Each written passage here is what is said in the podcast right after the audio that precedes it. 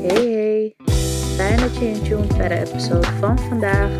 Mijn naam is Kiara en ik ben de host van de podcast van Internal Flow. En vandaag ga ik het hebben over grenzeloos zijn en hoe belangrijk het is om grenzen te hebben. Ik denk dat iedereen wel bekend is met het hebben van grenzen, aangezien social media ook voor de helft vol staat met quotes en informatie over hoe belangrijk het is om grenzen te hebben. En zelf in mijn eigen proces heb ik ontdekt dat uh, het hebben van geen tot weinig grenzen um, een heel groot aandeel en rol kan spelen in het krijgen van mentale en fysieke klachten, zoals uh, de term die wel bekend is onder velen, het krijgen van een burn-out, waarbij je niet meer kan functioneren. En ik uh, heb zelf sinds vorig jaar te maken gekregen met fysieke en mentale uitputting. En dit is uh, twee jaar daarvoor ook gebeurd. En ik ben eigenlijk het laatste jaar heel erg bezig geweest met reflecteren. Um, wat nou eigenlijk de grootste aandelen zijn geweest in het bereiken van dit punt. En dit was eigenlijk een van de ja, grootste punten die naar voren kwam. En um, ja, ik heb dit vooral ervaren op het vlak in de connectie met andere mensen. En dan heb ik het over vrienden, familie, uh, buren, collega's. Dat ik op een gegeven moment um, heel helder had dat ik altijd wel grenzen heb gehad. Ze ook wel uitsprak, maar heel veel tijd soms eroverheen liet gaan voordat ik uh, mijn grenzen kenbaar maakte.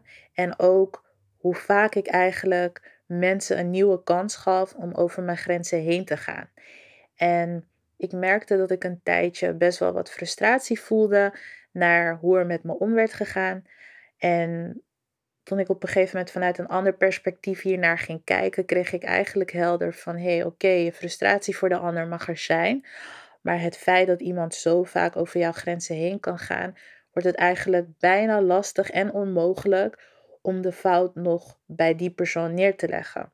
If you fool me once, shame on you. But if you fool me twice, shame on me.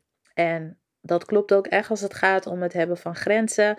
En grenzen die constant door dezelfde persoon uh, overschreden worden. In zo'n geval ben jij eigenlijk de enige verantwoordelijke.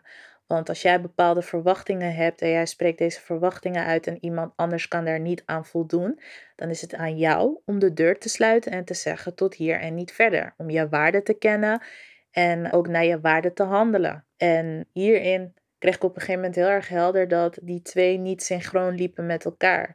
Ik vond dat ik een bepaalde waarde had, maar ik handelde er niet naar. En dat kwam omdat ik de verwachting te veel uh, bij een ander neerlegde. Ik verwachtte dat als ik mijn waarde aan jou uit, dan ga jij ook handelen naar de waarde die ik zeg die ik heb. Maar we kunnen zoveel zeggen. Maar toon jij ook in je houding en je handelingen dat jij een bepaalde waarde hebt? En bij die vraag kreeg ik eigenlijk heel helder dat ik uh, dat niet deed. En heb ik over de laatste jaren daar wel heel veel aandacht aan besteed. En begon ik ook op te merken dat ik, ja, tuurlijk, mensen verloren ben in het proces. En ook wel wat terugvallen heb gehad waarin ik wat mensen over grenzen heen liet gaan. Maar dat ik nu wel op het punt ben gekomen dat ik mijn grenzen heel scherp heb. En ik ga niet zo snel meer over mijn grenzen heen. En dat heeft er ook voor gezorgd dat ik wat meer rust ervaar. Dat ik beter naar, naar binnen kan gaan, naar mezelf kan luisteren en ook kan handelen naar wat er goed voor mij is.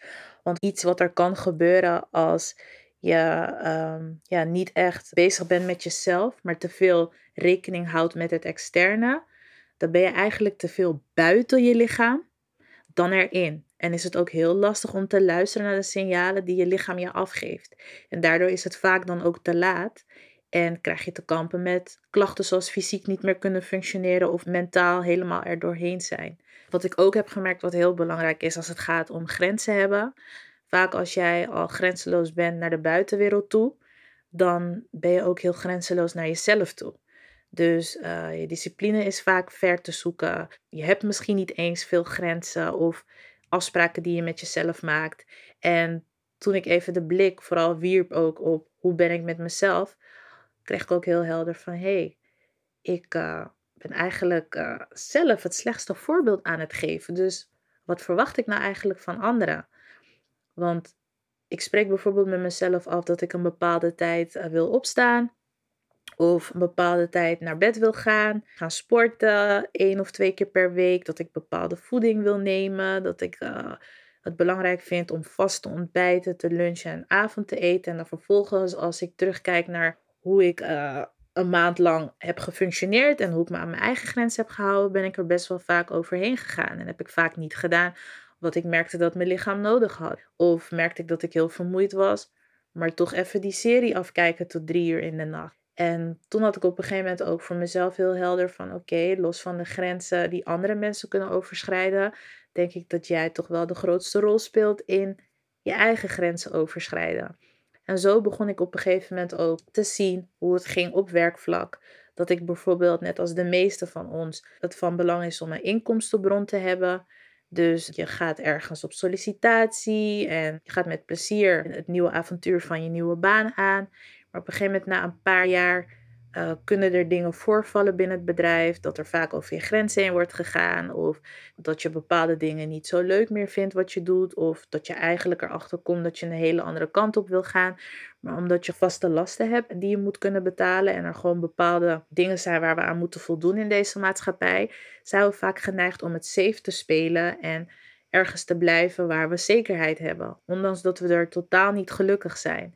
En ik denk dat ik hier meerdere malen mee te maken heb gehad. Dat hoe ik zelf moeder ben en het belangrijk vind dat mijn kinderen alles hebben wat ze nodig hebben. Dat we een dak boven ons hoofd hebben. Dat we kunnen eten en drinken.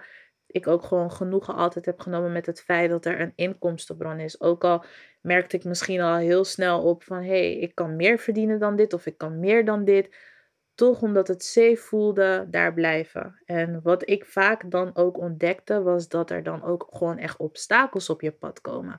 Je wordt opeens op een bepaalde manier behandeld binnen het bedrijf. Het werk gaat niet meer hoe het moet gaan. Je gaat niet meer met plezier naar je werk, maar omdat je moet, dan probeer je gewoon te voldoen aan de verwachtingen die er op dat moment zijn.